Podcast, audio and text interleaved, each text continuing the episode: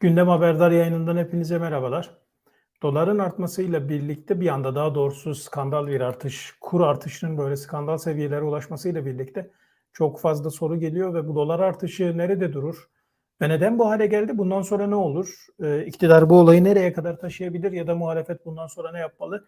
En çok üzerinde durulan konulardan biri. Ben bir, bir iki adım geriye gideceğim. Ee, en başta şunu bilmek gerekiyor. Zaten Ali Babacan çok açık bir şekilde daha henüz kendisi hükümette bakanken, başbakan yardımcısıyken e, hukuk sistemi eğer yerle bir edilirse bununla birlikte ekonomik sistemde düzenin de bozulacağını söylemişti. Bunun işaretlerini vermişti ve Ali Babacan'ın aslında AKP'den koparılış nedeni ya da kovulma nedenlerinden biri haline gelmişti bu ifadeler ya da Ali Babacan'ın ayrılma nedenleri haline gelmişti. Hukuk sistemi özellikle yolsuzluklar dosyalaşıp adli bir kuruma dönüştükten sonra, soruşturmaya dönüşüldükten sonra ayakkabı kutularından çıkan dolarlarla birlikte yolsuzluğun artık görünür olduğu bir duruma geldikten sonra hukuk sistemi, adalet sistemi, devletin bütün mekanizmaları yerle bir edildi. Bu mekanizma yerle bir edilince bunun tabii ki ceremesinin e, mutlaka bir noktadan sonra çıkacağı belliydi. Öncelikle devletin bütün esasını, temelini oluşturan hukuk sistemini yerle bir ettiler. İktidarlarını korumak için. Bu iktidarını koruma bir nevi deniz suyu içmek gibiydi. Susadıkça deniz suyu içtiler. Susadıkça daha çok gayri yasal yollara, illegal yollara sirayet ettiler. Devletin bütün mekanizmasını kendi ellerinde tutma yetkisine sahip bir güçle, böyle bir yetkiyle piyasaya çıktılar. Aslında devletle hükümeti bir araya getirip birleştirdiler bir nevi. Halk da bu gücü hem sevdi, hem korktu, hem benimsedi, hem de bir taraftan çaresiz bir şekilde bu güce sığınmış oldu ilelebet devam edecek bir durum değildi. Bu olağanüstü yönetimlerle, o hallerle, ortaya çıkan korku atmosferleriyle ülkeyi bir süre daha yönetmeyi başardılar. Bir noktaya kadar getirdiler. Sonra ne oldu? Yeterli gelmedi. Yani yolsuzlukların, e, biriktirilen paraların iktidarı taşıyabilme gücünün, kabiliyetinin kendi istedikleri ölçüde olmadığını anladılar. Erdoğan gibi insanlar hesap kitap yaparlarken kendi benzerlerinin başına gelen şeyler kendilerinin başına gelmesin diye bunun hesabını kitabını buna göre yaparlar. Mesela Saddam'ı eğer 30 milyar dolar ayakta tutamadıysa, Kaddafi'yi 100 milyar dolar ayakta tutamadıysa o zaman kendisinin en azından bunların toplamından daha fazla bir iktidara ve para gücüne sahip olması gerektiğini anlamış olması gerekiyor ve anlamıştı. Böyle olunca da artık 200-300 milyar dolara yakın bir paranın kendi hakimiyetlerinin altında olması gerektiği inancı daha da belirgin ve daha da perçinleşmiş bir şekilde adeta devletin de olanaklarını kullanarak e, önlerine serilmiş oldu. Şimdi bu fırsattan yararlanmak istediler ve devleti zimmetlerine geçirdiler. Devleti zimmete nasıl geçirdiler? Varlık fonuyla geçirdiler. Hatırlarsanız hemen 15 Temmuz'dan sonra yapmış oldukları şey e, halkın parasına çökmek ve zimmetlemek, zimmete geçirmenin haricinde bir de devletin tamamen mülkünü zimmete geçirdiler. Yani ne kadar kar eden kurum varsa bütün bu kurumların tamamını varlık fonu adı altında bir kurumda topladılar ve başına da Erdoğan'a atadılar. Yani kasayı hırsıza teslim ettiler. Şimdi varlık fonunun başına geçtiğiniz zaman siz artık devletin bütün hazinesi de dahil olmak üzere her şeyini ele geçirmiş olursunuz ve zapturapt altına almaya çalışırsınız. Koca devletin bütün maliyetini ve yükünü. Böyle olunca da bütün mal varlığını, devletin mal varlığını zimmete geçiren bir partiye dönüştüler. Şimdi bu bürokraside belli bir noktada e, korkuya neden oldu. Bu kadar güçlü bir iktidarın parası da bu kadar çok olan bir iktidarın e, haliyle devamlılığı noktasında e, kendileri de katkı sağlayarak o devamlılık kendilerinin de devamlılığını sağlaması noktasında hem fikir oldular ve bugüne kadar gelindi. Varlık fonundan sonra yapmış oldukları bir şey daha vardı. Varlık fonuna varlık fonundaki paralara, yolsuzluklara, diğer bütün paraların toplamına bak bakıldığı zaman yine de iktidarlarına devam edebilecek bir güç, bir para ortada oluşmuyordu. Merkez Bankası'nın parasını mesela içini boşalttılar. 128 milyar doların mutlaka izi sürülmesi gerekiyor. Ben bugün buradan sesleniyorum. Muhalefete sesleniyorum. 128 milyar dolar nerede diye soruyordunuz. Katar'da olduğunu açıklamıştım ve bunu AKP içerisindeki kaynaklarıma bizzat dayanarak söylemiştim. 128 milyar doları Katar'a çıkaran AKP'nin, Merkez Bankası'nın içini boşaltan AKP'nin önümüzdeki seçimlerde seçimleri kazanmak için, bürokratları satın almak ya da seçim kampanyalarını yürütmek için, yeniden ayakta kalabilmek için o parayı getirip kara para aklama yoluyla, yöntemiyle ülkeye tekrar yeniden sokup o parayı kullanacağından emin olabilirsiniz. Bir defa öncelikle bunun peşini bırakmayın. Merkez Bankası, Varlık Fonu, Maliye ve Hazine Bakanlığı'nın içindeki bütün paraların boşaltılması olayı çok enteresan bir olay. Kanun hükmünde kararname ile karar verildi. Bütün bunların tamamına ve zapt edildi. Sonra ne oldu? Kara para aklama işi ve kokain ticaretinden size sürekli bahsettim. Kokain ticaretinden elde edilen paraları ve alınan payları trafiğinden daha doğrusu kokainin trafik ve sevkinden elde edilen paraları bir kenara bırakarak konuşmuş olalım. Bir de kara para aklama olayı var. Şimdi varlık fonuna el koyma, kara para aklama, kara para aklamayı uluslararası boyutta legal bir düzeye getirme çabaları doların bugün başımıza bela olmasına neden oluyor. Ekonomik krizin zirveye tırmanmasına neden oluyor. Peki nasıl oldu kara para aklamayı illegal yola getirmeye ve Türkiye'yi kara para aklama merkezi ve cenneti haline dönüştürmeyi nasıl yaptılar? 2019 senesinde çıkarmış oldukları bir kanunla bizzat kendileri yaptılar. Şimdi mali eylem görev gücü diye e, bütün bu kara parayla mücadele eden ve terörün finansmanıyla mücadele eden bir birim var. Mali eylem görev gücü e, evet doğrudur. Amerika, Japonya, Kanada, Almanya, İngiltere, Fransa, İtalya e, gibi ülkeler tarafından kurulmakla beraber Avrupa ülkelerinin tamamını kapsayan 30'a yakın ülkenin bu mali eylem görev gücünün yükümlülüklerini kabul etme e, anlaşmaları var. Yani mali eylem görev gücü iki maddede toplanmış. Birincisi aslında iki madde, temelinde iki madde var. Uluslararası kara para aklamanın önüne geçmek ve aynı zamanda terörü finanse eden ülkelerin bu terör finansmanının önünü kesmek. Bu ülkeler bunun için hani dış güçler deniyorsa alın size dış güçler burada. Peki bu dış güçlerin mali eylem görev gücü kuran bu dış güçler bu 7 ülke 30 ülkede buna üye olmuş ve bunu kabul etmiş. Niye dış güçler diyorum ve bugün AKP'nin nasıl bir algı çalışması içerisinde olduğunu anlatmaya çalışıyorum. Türkiye'de bunu kabul etmiş. Yani mali eylem görev gücünün ortaya koyduğu bütün yetkileri, sorumlulukları yerine getireceğini kabul etmiş. Demiş ki kara para aklamada ben şeffaf olacağım. Kara para aklamayı ülkeme sokmayacağım. Kara para aklama ile ilgili herhangi bir şekilde bankalarımı kullanmayacağım. Finans kurumlarımı kullanmayacağım. E, etkilerimi, yetkilerimi burada kullanmayacağım. Devleti buna alet etmeyeceğim ve bununla ilgili de size açık çek veriyorum. İstediğiniz zaman denetleyebilirsiniz demiş. 30 ülke bunu söylemiş ve 30 ülkeyi bağlayıcı bir anlaşma var ortada. Mali eylem görev gücünün yetkisini ve denetimini kanun hükmünde kararname ile 2019 senesinde MASAK'ı yerle bir ederek parayı denetleyecek olan merkezi kurumu tamamen varlık fonu gibi kendilerine bağlayarak, tekelleştirerek, Merkez Bankası'nı nasıl kadük bir hale getirdilerse yıllar önce MASAK'a da aynı şeyi yaparak mali eylem görev gücünün Türkiye'deki denetim mekanizmasını ortadan kaldırdılar. Şimdi burada Ali Babacan'a bir çağrıda bulunuyorum. Bu daha önce 2000 sanırım 2013 ile 2012 olabilir. 2012 ya da 2013 senesinde MASAK'ın yetkilerinin kırpılması, Bankacılık Denetleme Kurumu'nun değiştirilmesi, mali eylem görev gücünün gerekliliklerini yerine getirmemekle ilgili ee, Erdoğan yönetimi o dönemde kararlar almaya çalışırken Ali Babacan karşısına çıkıp itiraz edip böyle yaparsak ülke batar, böyle yaparsak e, bankalar elden gider, böyle yaparsak dünyadan kopmuş oluruz, kapalı hale geliriz diye itiraz eden Ali Babacan bugün çıksın onları tek tek halka açıklasın. Ali Babacan'ın böyle bir borcu var, böyle bir yükümlülüğü var. Erdoğan'la birlikte görev yapmış olduğu dönemlerde Erdoğan'ın almış olduğu bu kararların önüne geçen Ali Babacan bugün çıkıp o kararları nasıl aldırmadığını anlatması gerekiyor. Çünkü bu kararlar daha sonra 2019 senesinde alındı. Kanun hükmünde kararname ile ülkenin kara para aklamasının önü bizzat Erdoğan tarafından açıldı. Kanunla açıldı. Yani kanunsuzluk, illegal bir iş yapılacak yapacaklarını kanun hükmünde kararname ile belirttiler. Peki ne oldu? Diyeceksiniz ki bunun doların artışıyla, dış güçlerle ne alakası var? Alakası şu.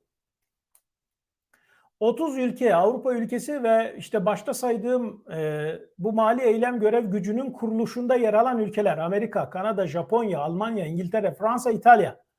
Bunların tamamı ve bunların etki alanında olan bütün ülkeler. 30'a yakın ülke. Siz eğer orada bir kanun çıkarıp biz artık bu mali görev gücünün bizi denetlemesini, kara para aklamayı ve terörü finanse etmemizin denetlemesinin önüne geçiyoruz derseniz, bütün verileri onlara kapatırsanız, şeffaf olmayan bir düzene geçerseniz, onların da şöyle bir yaptırımı var. Diyorlar ki onlar da o zaman e, bütün yabancı bankalara ve aynı zamanda yabancı finans kuruluşlarına ve aynı zamanda yabancı kredi kuruluşlarına Türkiye'deki faaliyetlerinizi durdurun çağrısı yapıyorlar durdurun veya aşamalı olarak Türkiye'deki faaliyetlerinizi geri çekin. Çünkü orada artık e, kara para aklamaya alet oluyorsunuz. Terörü finanse eden ülkeye yardım etmiş konumuna düşüyorsunuz. Şimdi bunu bizzat Erdoğan yaptı 2019 senesinde. Başkası yapmadı bunu. Dış güçler falan filan hikaye. Bunu Erdoğan yaptı. Bunu Erdoğan kanun hükmünde kararnameyle yaptı. Bunu resmi yollarla yaptılar. Bakın yolsuzluğu, kara para aklamayı, kokain ticaretini, diğer işleri, terörle finanse işlerini illegal yoldan yapmıyorlar. Bizzat legalleştirmişler. Kanunla yapıyorlar. Kanunla. Kanunu çıkardılar. Ülkeyi göz göre göre batırdılar. Bağıra bağıra söylüyoruz. Ülkeyi batırıyorlar, ülkeyi batırıyorlar, ülkeyi batırıyorlar. Bunu böyle siyaseten, politik olarak muhalif bir duruşumuz var da bu muhalif duruştan dolayı söylemiyoruz ki. Rasyon, rasyonalite ortada. Veriler ortada. Bunu yapıyorlar şimdi. Bununla birlikte şimdi kalkıp siz ülkeyi kara para aklamaya açarsanız, terörü finanse eden bir ülke konumuna gelirseniz hatırlayın e, yaklaşık iki ay önce belki iki ay bile olmadı. Biz bir tabii millet olarak biraz balık hafızalıyız. Bir ay önce aynı mali eylem görev gücü yani 30 artı 7 ülke e, Türkiye'yi gri listeye aldılar. Gri liste neydi? Kara para aklamanın olduğu ve aynı zamanda da e, terörü finanse eden ülke olduğu yönünde bir liste hazırlandı. O yayında size şöyle bir şey demiştim. Biz bunu yok sayıyoruz ve kabul etmiyoruz demekle geç olmaz bu işler. Bunu yaptığınız andan itibaren Türkiye'deki bütün finans piyasalarının tamamının dikkatini üzerinize dünyadaki bütün finans piyasalarının finans sektörünün dikkatinizi üzerine çekmiş olursunuz ve artık size yatırımlar hiçbir şekilde gelmez. Mevcut yatırımcıların tamamını da kaçırmış olursunuz. İşte bu mevcut yatırımcıların tamamı hızlı bir şekilde terk ediliyor. Terk ediyor. Uzun zamandan beridir hukuk sistemi yerle bir edilmiş. Denetleme mekanizması ortadan kaldırılmış. Yetki tek adama verilmiş ki bu yetkiyi kardeşinize verin bakın ben nasıl düzelteceğim diyordu. Buyurun gördük işte düzeltemediğini hatta batırdığını. Vargı e, varlık fonuyla e, devletin bütün kurumlarının kazançlı kurumların tamamı zimmete geçirilmiş. Aynı zamanda masak ortadan kaldırılmış. Merkez Bankası Erdoğan'a bağlanmış, içi boşaltılmış. E, üyesi olunan mali eylem görev gücüne başkaldırı olmuş kara para aklamanın e, ve aynı zamanda terör finansmanı olmanın önü açılmış. Şimdi bütün bunları yaptıktan sonra elbette ki ülkede dolar işte 10 TL'de olur, 20 TL'de olur. Başlığı ben öyle attım ama 20 TL olur mu? 50 TL de olur dolar böyle giderse. Şimdi bunun teknik boyutları ya da aslında bir yönüyle politika yanlışlıklarının geldiği boyutlar bu. Alt perdesine bakalım. Bunun sosyolojik bir tanımı olmalı. Sosyolojide de bunun bir karşılığı var. Erdoğan'a güveniliyor. Kim güveniyor Erdoğan'a? Erdoğan'a Erdoğan'ın seçmenleri güveniyor. E, hiç güvenmedikleri kadar güveniyorlar. Hiçbir siyasetçiye güvenmedikleri kadar. Çok güvendikleri bu siyasetçi ne dedi? Çok güvendikleri bu siyasetçi kontrolü muhakemesini kaybettiğinin de en büyük ispatı, bariz ispatı budur. Neden dolar bir anda böyle 2 2 e, TL artmış oldu? TL neden bu kadar değer kaybetti? Erdoğan bizzat aslında bunu açıkladı. Erdoğan e, ekonomik kurtuluş savaşı dedi. Şimdi siz ekonomik kurtuluş savaşı derseniz özellikle 50 yaş ve üstünü bir telaşlandırırsınız. Neden? Çünkü ekonomik kurtuluş savaşı ifadesini ilk olarak Tansu Çiller kullanmıştır. Tansu Çiller doları e, ciddi anlamda o artış sağladığı dönemde TL değer kaybettiği zamanda çıkıp ekonomik kurtuluş savaş verildiğini söylemişti. Hatta ekonomik kurtuluş savaş verildiğini 2002 yılında da ilan edip bir daha söylemişti seçimlere giderken. Kemal Derviş'i de dışarıdan ithal edilen bu savaşta bir komutana benzetmişti. Ve kendisini de yerli ve milli olarak ilan etmişti Tansu Çiller. Ve bu ekonomik kurtuluş savaşta yerli ve milli bir komutanın olması ve başta da kendisinin olması gerektiğini söylemişti ekonomiyi batıran Tansu Çiller'in ifadeleri bunlardı. Şimdi ekonomiyi batıran Erdoğan'ın ifadeleri aynen bunlar. Erdoğan kalkıp ekonomik kurtuluş savaşı veriyoruz dediği andan itibaren Erdoğan'a güvenen bütün AKP seçmeninin tamamı hayal kırıklığına uğramıştır. AKP seçmeni Erdoğan'ın belki de bu açıklamasına kadar e, ekonominin e, iyiye gideceğini, düzeleceğine inançlarda devam ettiriyorlardı. Fakat Erdoğan tarafından bu ilan edilmiştir. Yani ekonomik krizde olduğumuzu hatta bir kurtuluş savaşı derecesinde bir krize düşüldüğünü bizzat Erdoğan tarafından duymaları çok anlamlıdır. Bunu Kılıçdaroğlu söyleseydi, bunu Meral Akşener söyleseydi, bunu Davutoğlu, Ali Babacan, Temel Karamollaoğlu, Mithat Sancar söylemiş olsaydı e, zaten kendi seçmenleri bunun farkında oldukları için AKP seçmeni bunu kavramakta zorlanırdı. Ama bizzat Erdoğan tarafından bu ilan edilmiş oldu. Şimdi Erdoğan tarafından bu ilan edilince bir anda artık doların değeri doların önünde durulamıyor. E, bu diğer teknik nedenleri ve politik nedenleri yanlışları söyledim. Bir taraftan da böyle bir algısı var işin. Diğer bir boyutu var. O da çok daha önemli. Merkez Bankası'nın ya da Erdoğan'ın e, hiçbir şekilde bu krizi durduramamakla birlikte ne yapacaklarını bilemiyor olmaları. Yani şu anda halk Merkez Bankası ne yapacak bilmiyor. Halk Erdoğan ne karar verecek bilmiyor. Neden? Çünkü Erdoğan da bilmiyor. İşte böyle bir duruma gelindi. Böyle bir durumda dolar elbette ki artacak. Elbette ki ekonomi sıfıra doğru gidecek, eksilere doğru gidecek ve eksilere doğru hızla bir gidiş var. Bu neye neden olur? Bugün Erdoğan artık dış güçler diyor. Erdoğan bütün bunların arkasında işte başkası var diyor. Ya da çıkıp kampanyalar başlatıyorlar. Devletimizin yanındayız diye. Sevgili AK Partililer, devletle hükümeti bugüne kadar birbirine karıştırdınız. AK Parti hükümet, hükümeti Erdoğan hükümeti devlet değildir. Erdoğan daha dünyaya gelmeden önce bu devlet zaten vardı. Zaten Erdoğan kalkıp biz 3000 yıllık 5000 yıllık devletiz diye kendisi söylüyor. Bu 3000 yıllık 5000 yıllık devlet geleneğine baktığınız zaman Erdoğan bir noktalı virgül bile değildir. Dolayısıyla da Erdoğan hükümetini artık devletle karıştırmayı bir kenara bırakın. Bugün eğer devletinizin yanındaysanız bilin ki hükümet bu devletin ırzına geçiyor. Bilin ki hükümet bu devleti yere yatırmış bir kurbanlık koyun gibi kesiyor. Hem katilden hem de maktulden yana olamazsınız. Eğer madem devletinizi seviyorsunuz, madem devletçiyiz diyorsunuz, madem devletin bekasından yanayız diyorsunuz, madem kodlarınız böyle işlenmiş ve madem biz bugüne kadar size devletle hükümet arasındaki farkı anlatamadık, işte bu noktadan sonra çok net bir şekilde anlayın ki o çok sevmiş olduğunuz devleti kurbanlık koyun gibi yere yatırmış bir hükümet var ve hükümet bunu kesiyor. O kurbanlık koyun da devlet denilen o koyun da sizden başkası değil.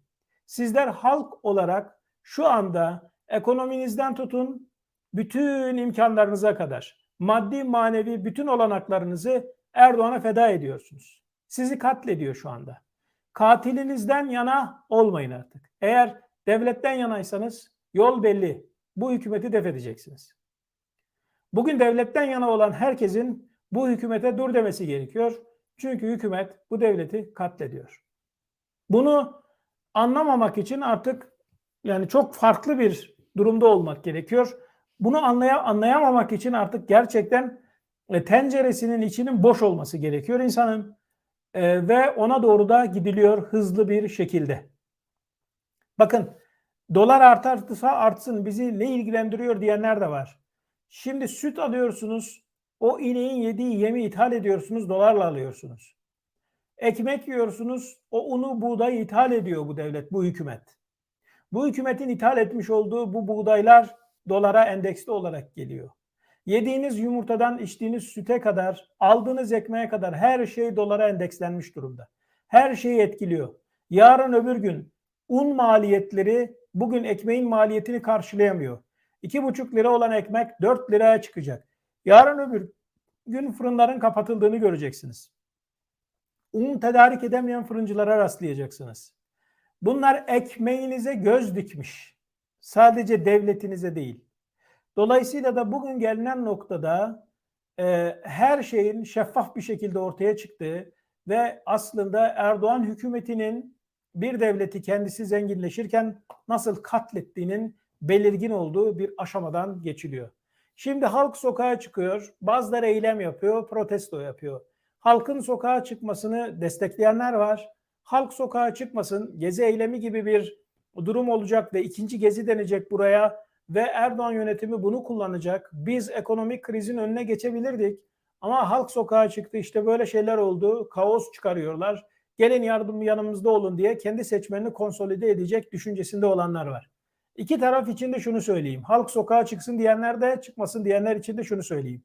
Halkın sokağa çıkmasını da çıkmamasını da belirleyenler algı yöneticileri olamaz. Şartlar kendiliğinden gelişiyor zaten. Ekonomik kriz öyle bir hat safhaya varır ki halk sokağa çıksın ya da çıkmasın demeniz anlamsız bir hal alır. Halkın sokağa çıkmasını gerektirecek bir durum oluşmuşsa istediğiniz kadar çağrı yapın halkı sokaktan geriye çağıramazsınız. Tam tersi eğer halkı sokağa çıkaracak kadar bir krizle karşı karşıya kalmıyorsanız yüzlerce çağrı da yapsanız halk sokağa çıkmaz. Dolayısıyla bir defa bu noktada net bir şekilde bilmek gerekiyor. İkincisi Erdoğan bunu kullanır mı? Kullanır. Halkın sokağa çıkmasını kendi algı çalışmalarına alet eder mi? Eder. Bundan netice almaya çalışır mı? Çalışır. Netice alır mı? Bence alamaz. Çünkü artık tüketti bütün bu argümanlarının tamamını. Çünkü bıçak kemiğe dayandı. Peki halkın dışarı çıkması anlamlı bir ifade midir? Bir şey anlam ifade eder mi? Evet eder. Şöyle ifade eder. Anlam ifade eder. Bugün iktidarın gitmesi noktasında ya da iktidarın e, daha hızlı bir şekilde iktidardan düşmesi noktasında belki bir faydası olmaz. Peki neye faydası olur? Halkın sokağa çıkmasının faydası AKP'nin yıllardır oluşturmaya çalıştığı korku atmosferinin dağılmasına neden olur. Ve yıllardır diktatöryal bir rejim kurmaya çalışan, despotik bir yönetimle polisleri 2-3 kişi bile sokağa çıktığında onların üzerine salan, ve korku politikasını adeta evlerin bacalarından pencerelerinden içeri sokmaya çalışan bir iktidara karşı sokağa çıkan halk bu korku atmosferinin dağılmasına yardımcı olur. Bunun haricinde şu anda sokağa çıkmanın herhangi bir etkisi bundan daha büyük bir etkisi söz konusu olmaz. Ne zaman etkili olur? Şayet CHP'nin etkili olduğu yerlerde, e, CHP seçmeninin çok ağırlıklı olduğu yerlerde, Kadıköy gibi, Ankara Çankaya gibi, işte İzmir gibi yerlerde değil de Bağcılar'da, Esenler'de, Urfa'da, Antep'te halk sokağa çıkmaya başlarsa, halk itiraz etmeye başlarsa, yani AKP'nin merkezi olan yerlerde, Bayburt'ta, Gümüşhane'de, Erzurum'da böyle yerlerde halk sokağa çıkarsa, halk protesto ederse, halk artık böyle gitmez derse işte o zaman anlamlı bir protesto çıkmış olur ortaya. Onun haricinde zaten yıllardan beridir 20 senedir AKP iktidarının gitmesini isteyenler sokağa çıktıklarında iktidarın gitmesine katkı sağlamazlar. Ama iktidarın oluşturmaya çalıştığı korku atmosferini dağıtmaya çalışırlar ki bu da çok önemli bir duruma neden olur. Diğer bir konu muhalefet. Bu saatten sonra ne yapmalı? Ülke nereye gidiyor? Bir defa dolar 15 TL'de olacak, 20 TL'de olacak. Böyle devam ederse. Ne yapacak muhalefet? Ve yapmaya da çalışıyor zaten. Dikkat ederseniz erken seçim çağrılarında bulunuyorlar. Hızlı bir şekilde toplanıp bir araya geliyorlar. Bunu yapmakta çok önemli bir e, durum var. Fakat bunu yaparken ikili üçlü görüşmeler halinde yapıyorlar. Yapılacak şey nedir?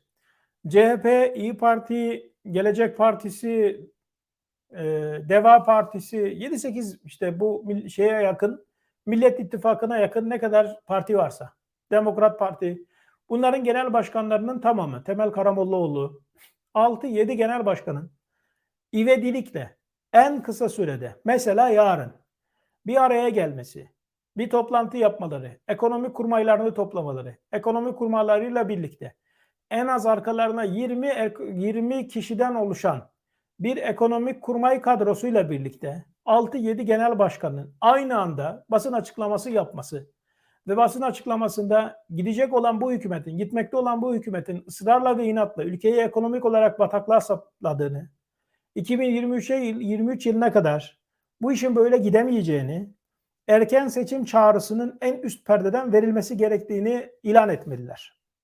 Böyle yaparlarsa ikişer kişi bir araya gelmek yerine Kılıçdaroğlu ile Akşener bir araya gelmek yerine, Davutoğlu ile Kılıçdaroğlu bir araya gelmek yerine, Ali Babacan ile Kılıçdaroğlu bir araya gelmek yerine böyle toplu bir görüntü sergilerlerse iki şeyi çok ciddi anlamda oluşturmuş olurlar. Bir, artık bu iktidarın ömrünün bittiğini ve asla ekonomik olarak ve diğer yönlerden, politika yönünden bu ülkenin bu iktidarı taşıyamayacağını, bu hükümetin bu iktidarı taşıyamayacağını ilan etmiş olurlar ve tam anlamıyla psikolojik üstünlüğü ele almış olurlar. İki, halka güven vermiş olurlar. Bütün bu ekonomik kurmaylarıyla, bütün bu siyasi kadrolarla Bizler geldiğimiz zaman bu ekonomik krizden ülkeyi çıkarabiliriz. Erdoğan'a ve etrafındaki insanlara, saray ahalisine muhtaç değilsiniz algısını güçlendirebilirler. Yapılacak en önemli olay da atılacak en önemli adım da bu olur. Bugünden sonra muhalefet kaybederse sadece yapmadıklarıyla kaybeder. Ben uzun zamandan beridir Erdoğan hükümetini tarif ederken bu hükümetin bir yılan gibi kendi kuyruğunu tutmakta olduğunu, yutmakta olduğunu ve kuyruğunu yiye yiye başa doğru geldiğini söylüyordum. Kendi kendini bitireceğini söylüyordum. Kendi kendini imha edeceğini söylüyordum. Aynen onun gibi. Şu anda Erdoğan yönetimi kendi kendini bitirme aşamasına getirdi. Almış olduğu kararları saydım. Varlık fonundan bahsettim. Hukuku nasıl yerle bir ettiklerinden bahsettim. Mali eylem görev gücüne yönelik 2019'da masa nasıl yerle bir ettiklerini zaten anlattım. Merkez Bankası'nı nasıl hale getirdiler, felç ettiler. Bütün bunlar Erdoğan'ın aslında yılanın kendi kuyruğunu yiyip başına doğru gelmesi haliydi. Güvendiğim nokta da buydu. Bu muhalefette mi olacak, böyle mi olacak, şöyle mi olacak diyenlere hep net bir şey söylüyordum. Erdoğan hükümeti kendi kendini bitirecek, kendi kendini bitirmeye doğru da gidiyor diye. Şimdi kendi kendini bitirmiş bir iktidar var. Bunun karşısında muhalefetin akıllıca hareket etmesi gerekiyor. Birlikte hareket etmesi gerekiyor. Ayrılıkları gayrılıkları bir kenara bırakması gerekiyor. Hepten tek yürek olarak tek elden e, politikasını tekleştirerek, politikasını tekleştirmekten kastım demokrasi çatısı altında birleştirerek bu iktidara karşı mücadelesini vermesi gerekiyor. Bundan sonra yapılacak olanlar da bunlar olursa çok da hızlı bir şekilde bu iktidarın sonunu görmüş olacağız. Kendinize iyi bakın. Şimdilik neticelendiriyorum bu yayını burada. Biraz apar topar bir yayın yaptım çünkü işe yetişmek zorundayım bir taraftan da. Ee, bugün planımda yoktu yayın. Karşınıza biraz da hazırlıksız çıkmış oldum. Neyse kendinize iyi bakın. Ümidinizi yüksek tutun. Hep demiştim zaten e, paldır küldür gidiyorlar, gidecekler diye. İşte o paldır küldür gidişin bugün seslerini işitiyoruz. Bunlar da def olup gidecek. Görüşmek üzere.